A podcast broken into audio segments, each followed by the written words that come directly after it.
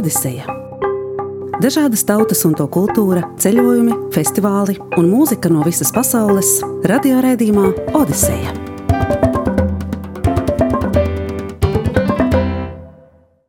Esiet sveicināti! Studijā Gita Lancere un Odiseja šodien jūs aicinās ceļojumā uz Ukrainu. Mūsu gids būs ukrainiete Viktorija Prituļaka, kura Latvijas Mūzikas akadēmijā studē etnomuzikoloģiju Esam vienojušās runāt tikai par labo un skaisto. Kaut zināms, ka Ukrainā joprojām turpinās karš, un gandrīz katru dienu iet bojā labākie Ukrainas dēli. Šī briesmīgā realitāte, diemžēl, ir fons mūsu sarunai par lielo, skaisto un bagāto zemi - Ukrainu.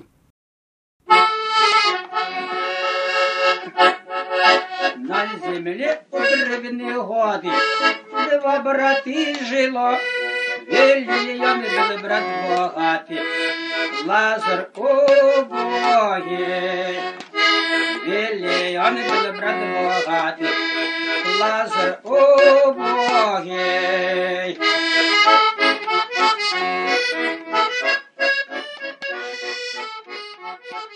Viktorija, kāds ir tavs stāsts? Kā tu esi nonākusi Latvijā un kāpēc tu šobrīd runā latviešu?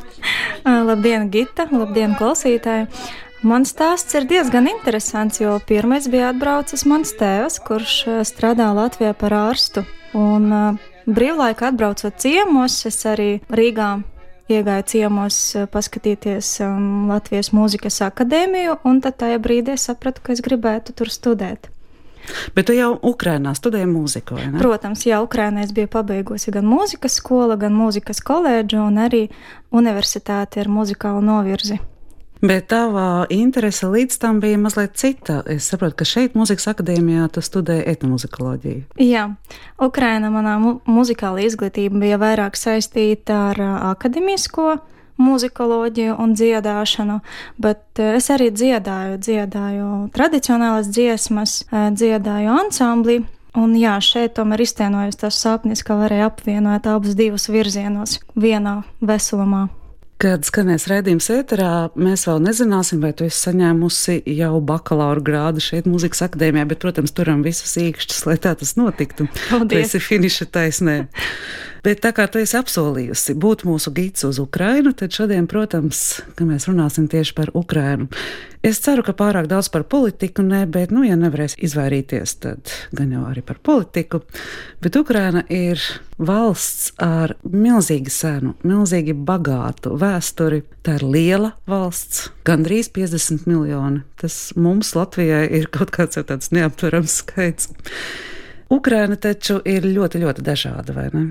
Jā, tā ir. Tā ir dažādi reģioni. Rietumu Ukraina ļoti atšķiras no austrumu Ukrainas, un centrāla Ukraina arī ir interesanta savā veidā. Un tas ir dažādas pasaules. Ir, protams, kaut kas kopīgs, kas apvieno tās dažādas pasaules, bet tas arī ir ceļojums no vienas Ukrainas puses uz citu. Karpāti vien ar gucuļu tradicionālo kultūru, tas ir vispār kaut kas īpašs, kur varētu braukt un iedvesmoties no tās kultūras, no tās vides, no tās dabas. Centrāla Ukrainā lauki, saules puķu lauki, tur savā ziņā citi iespaidi, citas iespējas. Var apskatīties ļoti daudz. Var apskatīties jūru, var apskatīties kalnus, var apskatīties daudz ko. No kuras puses tu patiesi? Patiesi man no rietumu Ukrainas, no nelielas pilsētas Černovci, kas ir, es domāju, ka Latvijas klausītājiem vairāk ir zināma Ļuvīva pilsēta, un tad tas ir 200 km attālumā no Ļuvīvas. Tā kā rietumu Ukraina ar skaistu arhitektūru un bagātu vēsturi. Latvijā 200 km tas nozīmē izbraukt gan arī pusi Latvijai. Nu, mums, Bet mums tas, tas ir pavisam netālu. Blakus, Jā, varētu brīvdienās aizbraukt, pastaigāties uz Vīvu un 250 km uz vienu pusi, pēc tam atpakaļ uz otru. Tas ir normāli. Tu teici, ir kaut kādas lietas, kas tomēr ir apvienojošas. Vai tu vari pateikt, kas ir tas, kas apvieno visus Ukrajinā mm. dzīvojošos? Tagad tieši tuvojas um, Ukraiņiem visā pasaulē tādi zināmie svētki un tāda interesanta tradīcija, kas nesen ir ieviesota Višavānkas dienas. Tas ir Ukraiņu tradicionālais terps, izšūts terps, krēkls. Un visā pasaulē viena konkrētā diena visi ukraiņi velc mugurām, fotografējas, pulcējas un komunicē. Un laikam tieši tie izšūtie tērpi, tas ir tas, kas apvieno visu Ukrainu. Mūsdienas arī valoda, protams, ar savām atšķirībām, ar savu vēsturi, bet tomēr ukraiņu valoda apvieno visu Ukrainu. Un kopīgi mērķi, kopīga vēsture, kultūra, tradicionāli ēdieni, boršķu ēdu visur Ukrainā. Bez tā nevar iztikt. Jā, bet man liekas, ka tomēr tie izšūtie tērpi tas ir kaut kas īpašs, kas apvieno visus reģionus. Jo līdzīgi kā ir raksti, kas tur izšūti, kas katrs raksts kaut ko nozīmē.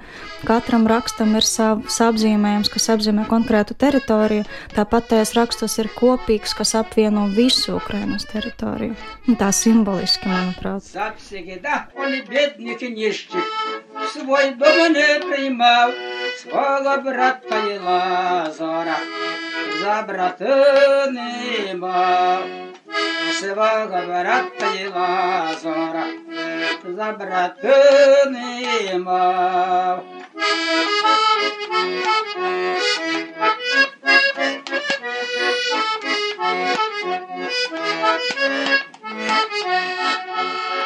Не хотел на своего брата богатырь смотреть, Хоч стіснявся своїм братом, даже й говорить.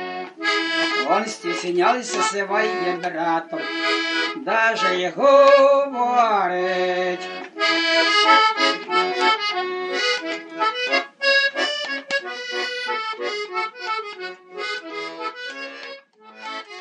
Par valodu runājot, tu teici, ir, protams, atšķirības, vai tās atšķirības ir tik lielas, kā, piemēram, Latvijā, kad teksts ir valsts televīzijā latgaliski, tad jāliek subtitri, jo kurzemnieks un arī īstenībā rīznieks nesapratīs. Jā, piemēram, pat uh, rietumu Ukrainas uh, ietvaros. Es jau esmu minējis tādu vēsturisku etnisko uh, reģionu kā Gucuļu, Gucuļšķina ukrāņu valodā, tad es, piemēram, nevaru saprast, tad tur uz turieni cilvēki brauc pat ar tulkiem dialekts tik stipri atšķirās, jo netālu ir Ungārija, un um, dialekts ir kaut kas pa vidu starp vairākām valodām. Protams, dominē ukrāņu valoda, bet es, piemēram, dzīvojot 30 km attālumā no Gucuļšanas reģiona, es nevarēju saprast, kur viņi runā. Tāpat arī laukos, ja ir centrāla Ukraina laukos, pat uh, priekšmetu nosaukumi atšķiras tik stingri, ka es nevarēju saprast, ko man vecvecmāmiņa prasa viņiem padot. To es arī nevarēju saprast. Tā kā ir līdzīga, kā kurzemē nesapratīs latgaliešus, tāpat arī mums ir tādas atšķirības. Nu jā, droši vien, ka tieši tāpat mēs varētu runāt arī par mūziku, ka tieši tāda pati dažādība ir mūzikām. Latvietim, es domāju, Ukraiņa tas saistās uzreiz ar skaistajām, daudzbalsīgajām lēnajām parasti dziesmām. Balādēm. Jā, jā, jā, jā. Tās, kas mums tā teikt sirdis kā šūplādes vēl laukā, tāpat kā gruzīna dziesmas.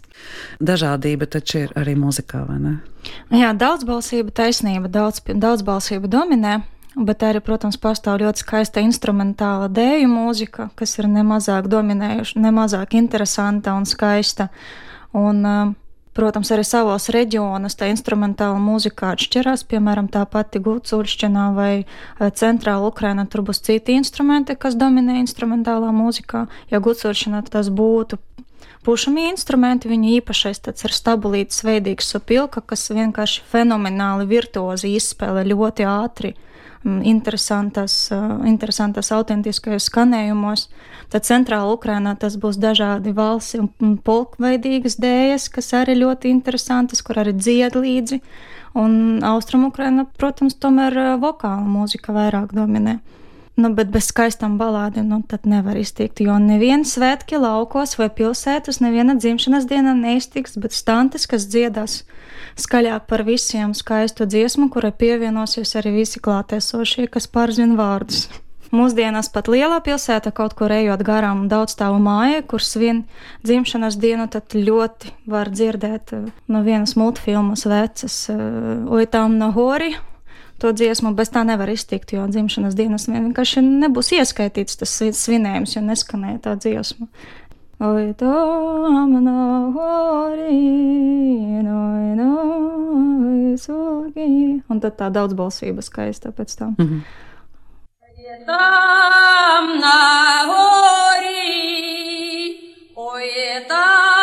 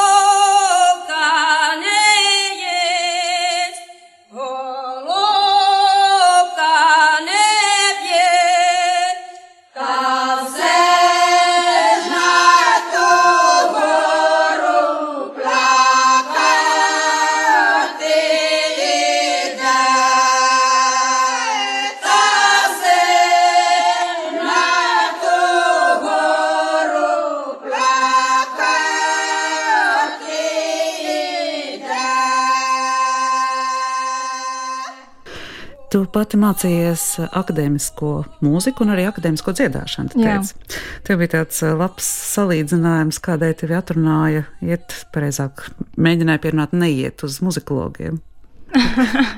Jā, es studēju klasisko dziedāšanu, kora nodaļa, un tad noslēgumā eksāmenā, kad es nodziedāju savu programmu un kad jau paziņoju, ka es tomēr studēšu muzikoloģiju, man ļoti interesē mūzikas vēsture, dažādas tās izpratnes un virzienos.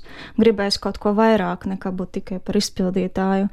Nu, tad mans eh, dziedāšanas pasniedzējs nerunāja ar mani apmēram septiņus vai astoņus gadus. Tikai nesen pievienojos Facebookam, un tad jau mūsu kontakts izveidojas pa jaunu, jo viņš to uztvēra tā kā nodevību, ka es dziedu un aizgāju pie muzikoloģiem.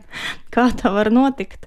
Jā, bet tagad jau viss kārtībā un lepojas, un, un, un tagad interesanti aprunāties un dalīties pieredzi. Jā, es domāju, viņš dzirdētu, tagad, kā tu liki muzicēšanas eksāmenu, viņš varētu būt priecīgs, jo tu joprojām dziedi. Un tāpat arī mūsu etnomuzikologa meitenes tikpat skaisti dzied un dziedāja piekam ukraiņu Ukraiņu valodā. Jā, un ukraiņu valodā. Kā tev tas izdevās? Tas bija tik dabiski kad mēs visus iepazināmies, un tas laikam bija tāds liktenis, ka mūsu kursā apvienojas meitenes, kuras pat tembrāli mēs bijām tik saskanīgas un tik skaisti mums skanēja balsis, ka mums nevajadzēja pat speciāli mēģināt. Mēs vienkārši klausījāmies dziesmas, kas pat dziesmas vienādas mums patika. Un tas bija tik dabiski, un, un, un, un tas nodarbības tas bija vairāk prieks un bauda. Nevis vienkārši treniņš, vai kā mēs smējamies mūziķi, ja, kā tur arī jāsporto, jā, instrumentu spēle vai dziedāšana. Tas ir arī savā veidā sportošana un, un, un treniņš. Mums tā bija estētiska bauda. Varbūt mūsu etnomuzikologa meitenes arī runā ukrainiski, vai tā vēl īsti nav? Nu, īsti vēl nav. Varbūt atsevišķas frāzes meitenes jau iemācījies, jo tomēr uh, arī dziesmas kaut kādi vārdi biežāk atkārtojas, un kad mēs tulkojam un mēģinājam saprast, par ko ir stāsts tajā vai citajā dziesmā, tad, um, tad jā, jau kaut, kaut kādas atsevišķas frāzes jau, jau ir zināmas, bet tomēr, lai runātu, nu, vajag vēl divus, trīs gadus ar mani pakomunicēt, tad mēs satiksimies. Un, Varēsim parādīt savas prasmes. Aha, nu tad jācer, jā, ka tu nekur prom nedosies. Man viņas varēs papildāt prasmes. Vai Ukrāņu tautas dziesmās valoda ir tāda pati kā mūsdienās, vai tur tomēr ir notikušas lielas izmaiņas valodā? Es zinu, ka Igauņu tautas mūzikā ir tāda vārda, ko šodien vairs nelieto. Jā, dažas dziesmas pat tādās, ko mēs esam dziedājušas, bija tādas atšķirības. Bet um, šeit ir jautājums, vai tas ir tomēr dialekts, vai mm. tomēr izzudušie vārdi, vai dialekts, kuru jau vairāk vienkārši nu, baudzes mainās. Un jaunieši no laukiem tomēr pārvācas pilsētas un vienkārši jau nelieto tos vārdus. Piemēram, manā bērnībā pat uh, bija tāda tendence, ka jaunieši, kas bija atbraukuši mācīties no laukiem, viņi pat kautrējās runāt savā dialektā, kas bija tik skaists un tik īpašs, kas, piemēram, varētu ka savu vizīti kārti vienkārši saglabāt. Viņi cīnījās un, un, un kautrējās un mēģināja kā, izvarīties no tā. Nu, bet um, pēc tiem notikumiem, kas ir tagad Ukrainā, tomēr jau vairāk kļūst vērtīgs, visautentisks un tas, kas ir īstais ukraiņu, un vairāk neparādās eh, kautrība par to, kas tev ir dzimtais, tava dzimtā valoda, dzimtais dialekts no konkrēta reģionā. Tad, kad tu runā, vai var pateikt, ka tu esi no Rietumu Ukrainas? Es domāju, ka nevar, jo es mācījos arī, kad universitātēs eh, arī interesēs par žurnālistiku un uh, par pasākumu vadīšanu, un jau nu tik iemācīja man to klasisko valodu, ka jau tomēr ir pazuduši visādas reģionālas pazīmes, lai tā balss skanētu. Tā kā vajadzētu. Tad būtu jāmācās eterā. no jauna. Tad man būtu jāmācās no jauna, nu, bet, protams, braucot bērnība pie radiniekiem savā reģionā, nu, kaut kādas pazīmes arī no tā gucuļu uh, dialekta, vai kā viņi paši sauc uh, hovir, Wolver, tas ir mm -hmm. tas dialekts, bet viņu valodā. Nu, kaut ko tur varētu arī mēģināt uh, atdarināt, nu, bet tas tomēr nebūtu tāds īstais.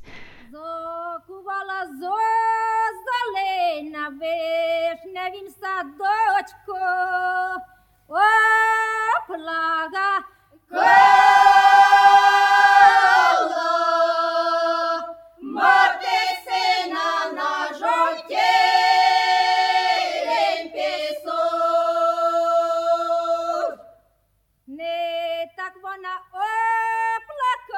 Стала, як обголосила беруть.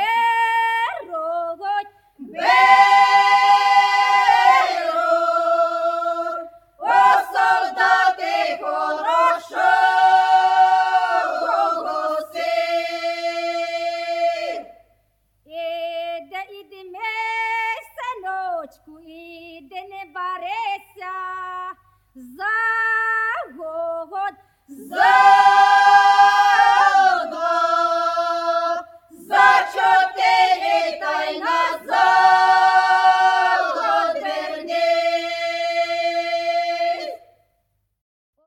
Kāds ir tavs pētījuma temats šeit, Latvijas Mūzikas akadēmijā? Latvijas Mūzikas akadēmija pētījums ir pavisam citā virzienā un saistīts ar garīgo muzicēšanu. Ukraiņiem šeit ir grieķu katoļu draudzene, kur dievkalpojumi notiek ukraiņu valodā, un respektīvi ir liturģiskā dziedāšana arī ukraiņu valodā. Un tapšanas vēsture ir ļoti interesanta un savdabīga, un cilvēki no dažādiem rietumu Ukrainas reģioniem sabraukuši kopā un divu, trīs gadu laika bez kora vadītāja, bez uh, speciāli apmācītiem cilvēkiem, iemācījies pa jaunu dziedāt visu liturģisko muzikālo materiālu. Un mans pētījums veltīts tieši liturģiskai dziedāšanai šajā draudzē. Tas tapšanas process, nozīme cilvēku, draudzes locekļu dzīvē, un es domāju, ka būs interesanti beigās. Iepazinu, satuvinājos ar cilvēkiem, un tas pētījums pārvēršas par kaut ko lielāku, jau par vienkārši dzīves neatņemamu daļu, jo katra, praktiski katra svētdiena, visi svētki, tu iepazinies ar draudzes dzīvi, ar viņu vērtībām, ka cilvēki šeit, Ukraina, viņi saglabājuši valodu, viņi saglabājuši tradīciju, un tas baznīciņas un draudzes dzīve, tas ir kaut kas vairāk nekā tikai lūkšana. Tas ir daudz vairāk. Un arī dziedāšana tajā spēlē ļoti svarīgu lomu, jo viņi dzied dzimtajā valodā, un viņi dzied arī reliģiozas dziesmas, baznīcas dziesmas un, protams, tautas dziesmas ārpus liturģiskajos pasākumos. Tā kā materiāls ārkārtīgi interesants tādā diasporas kontekstā. Un varbūt šis brīdis, kad es paspēju nodokumentēt, tas ir tas vērtīgais, kas paliks pēc tam atmiņā gan cilvēkiem, gan arī pašiem ukrāņiem, kas apmeklē to baznīcu. Vai arī šai baznīcai ir kaut kādas līdzīgas lietas, kā piemēram mums Latvijas skatoja baznīcā, ir šie ārpus baznīcas garīgie dziedājumi, tā kā māja dziedājumi pie krusta vai psalmi? Jā, Ukrāņi arī dzied gan psalmus, gan arī ir Ziemassvētku dziesmas garīgas dziesmas konkrētiem svētajiem, piemēram, Jēzum Kristam vai Dievamātei. Un, jā, ļoti liels tas repertuāri, jo tā var teikt klāsts, kas konkrētos atbilstoši baznīcas kalendāram, atbilstošajos datumos dzied. Un es arī gribētu pieminēt, ka atbilstoši Latvijas tradīcijām, Rietumu Ukrainā arī ļoti daudz ārpus baznīcu krustu ceļu malē, piemēram, izrotātu ļoti skaisti, kur sievietes arī sanāk un arī dzied. Tā kā šī tradīcija ir kopīga ir tas katoļu ticības ietekme arī rietumu Ukrainā. Ісусе мій прелюбезний, серцю сладосте, єдина в скорбі є утіхо, моя ти радосте, єдина в скорбі утіхо, моя ти радосте, Рци душі мої, ти га очищеніє гріхів і в раю селеніє, і в раю селеніє.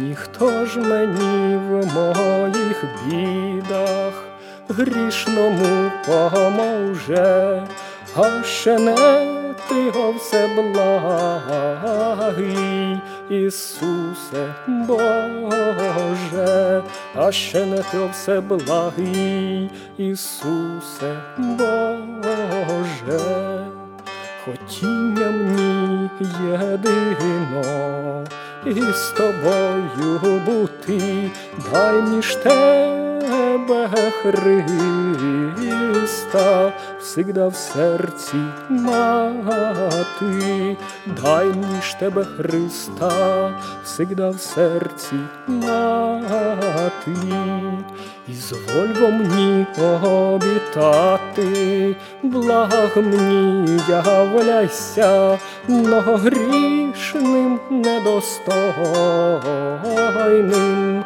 мной не возгнушайся, но грішним недостойним, мной не возгнушайся.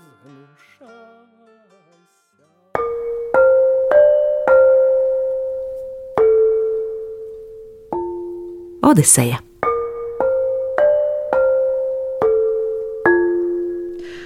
Šodien Odisejā mēs dodamies kopā ar Viktoriju Prituļaku, kura ir ukrainiete no Rietumu Ukrainas, un mēs apceļojam Ukrainu.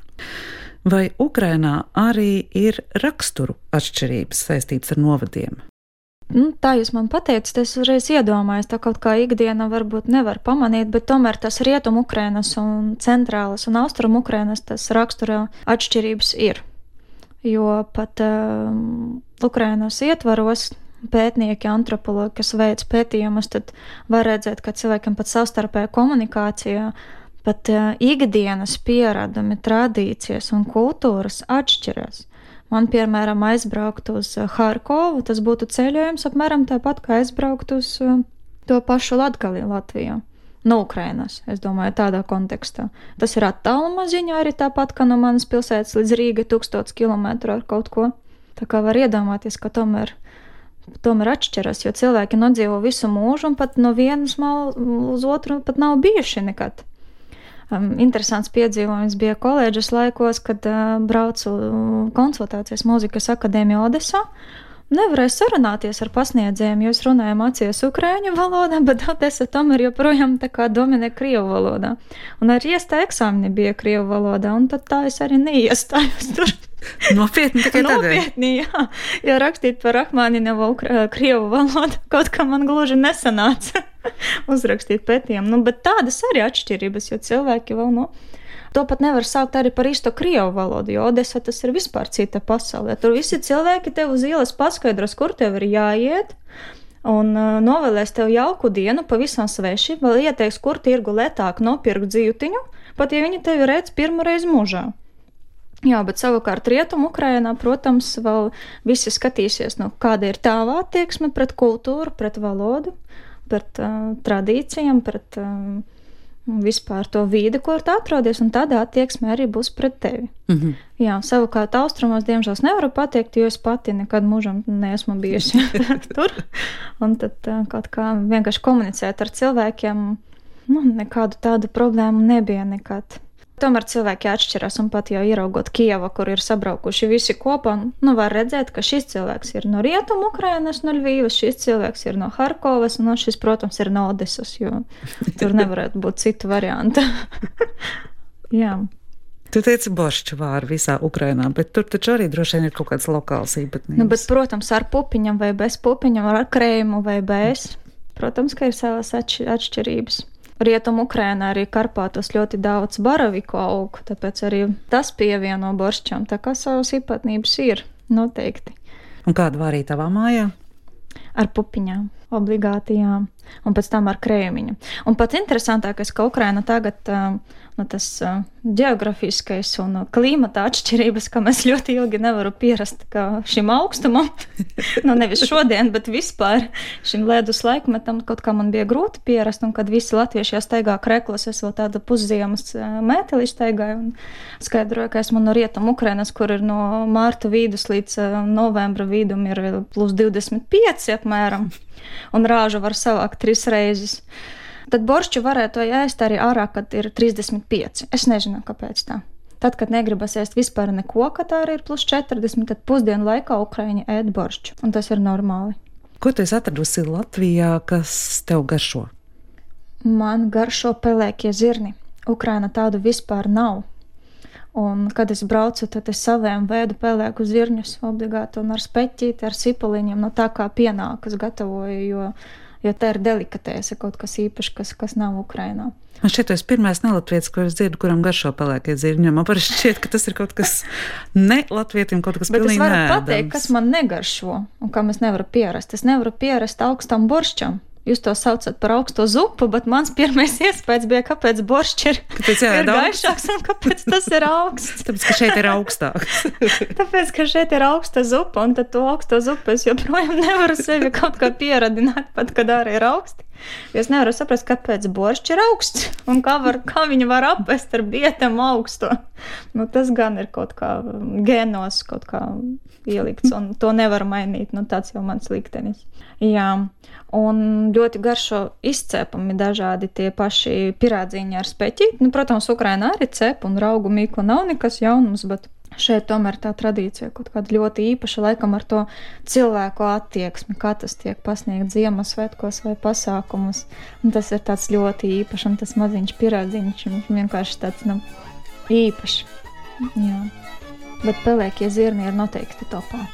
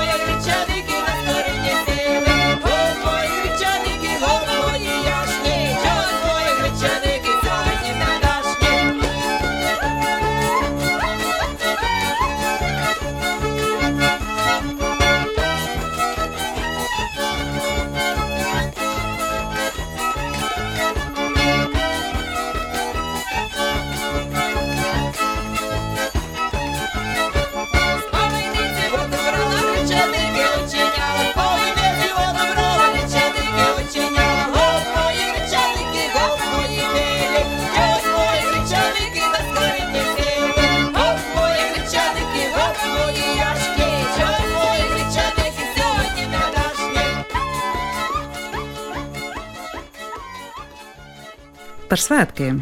Kādi ir tavi mīļākie svētki un kādi vispār ir, teiksim, Ukrainā mīļākie svētki? Nu, tādā plašākā mērogā Ukraina, protams, svin baznīcu svētkus, reliģiozus, tā kā Ziemassvētki Lieldienas, un tāpat arī ir pavasara cikla un, un, un, un vasarā. Un, piemēram, tagad tuvēs Ukraina tas, kas būs um, Jāņa Latvijā. Ukraina svinēs Ivana Kupālā jūlijā bija precīzi vienu mēnesi vēlāk, bet tradīcijas ir tādas pašas. Meklēsim paparziedi naktī un uh, lēksim pāri ugunskuram, un uh, meitenes uh, lēdīs uh, vainagdziņus uh, upē un skatīsies, vai aprecēs šogad viņu kāds vai nē. Jā. Bet, protams, tie vēl no senākiem laikiem svētki un tradīcijas, kas bija pielāgoti kristīgajai kultūrai.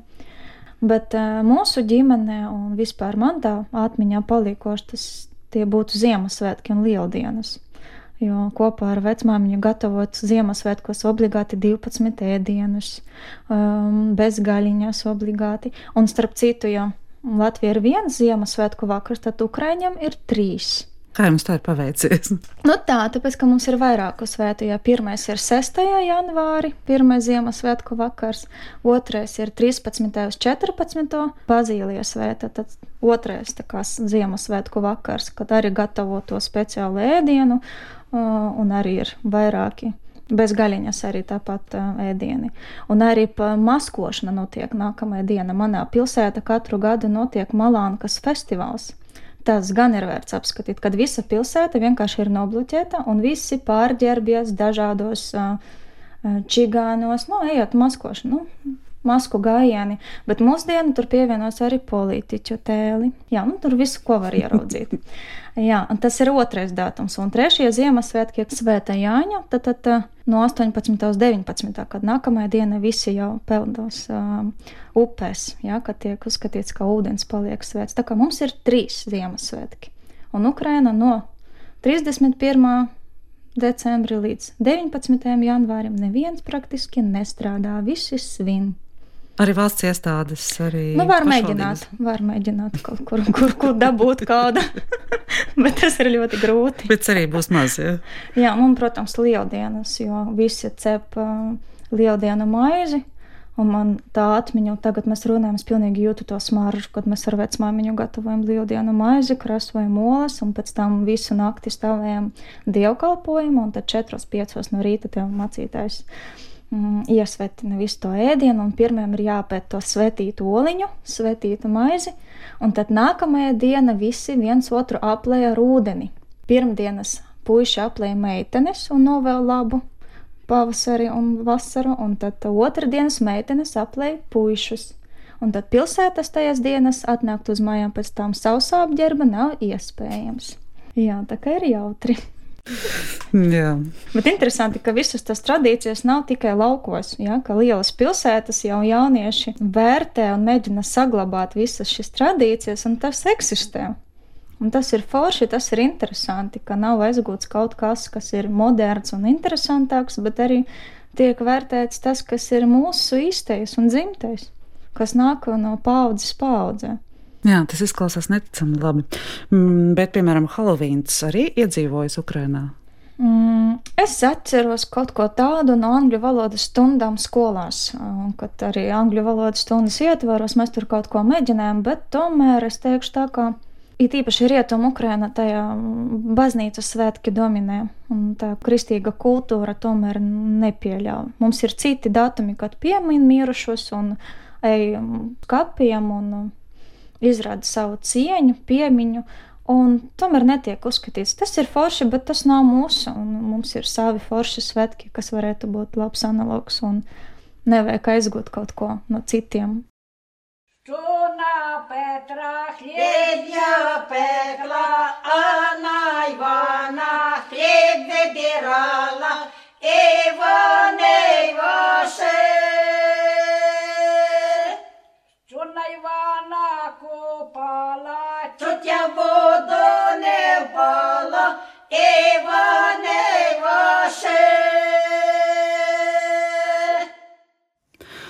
Mūsu sarunā ar Viktoriju krietna atkāpe, protams, notiek tradicionālā apģērba virzienā, kā lai sieviete sievietei to nepajautā.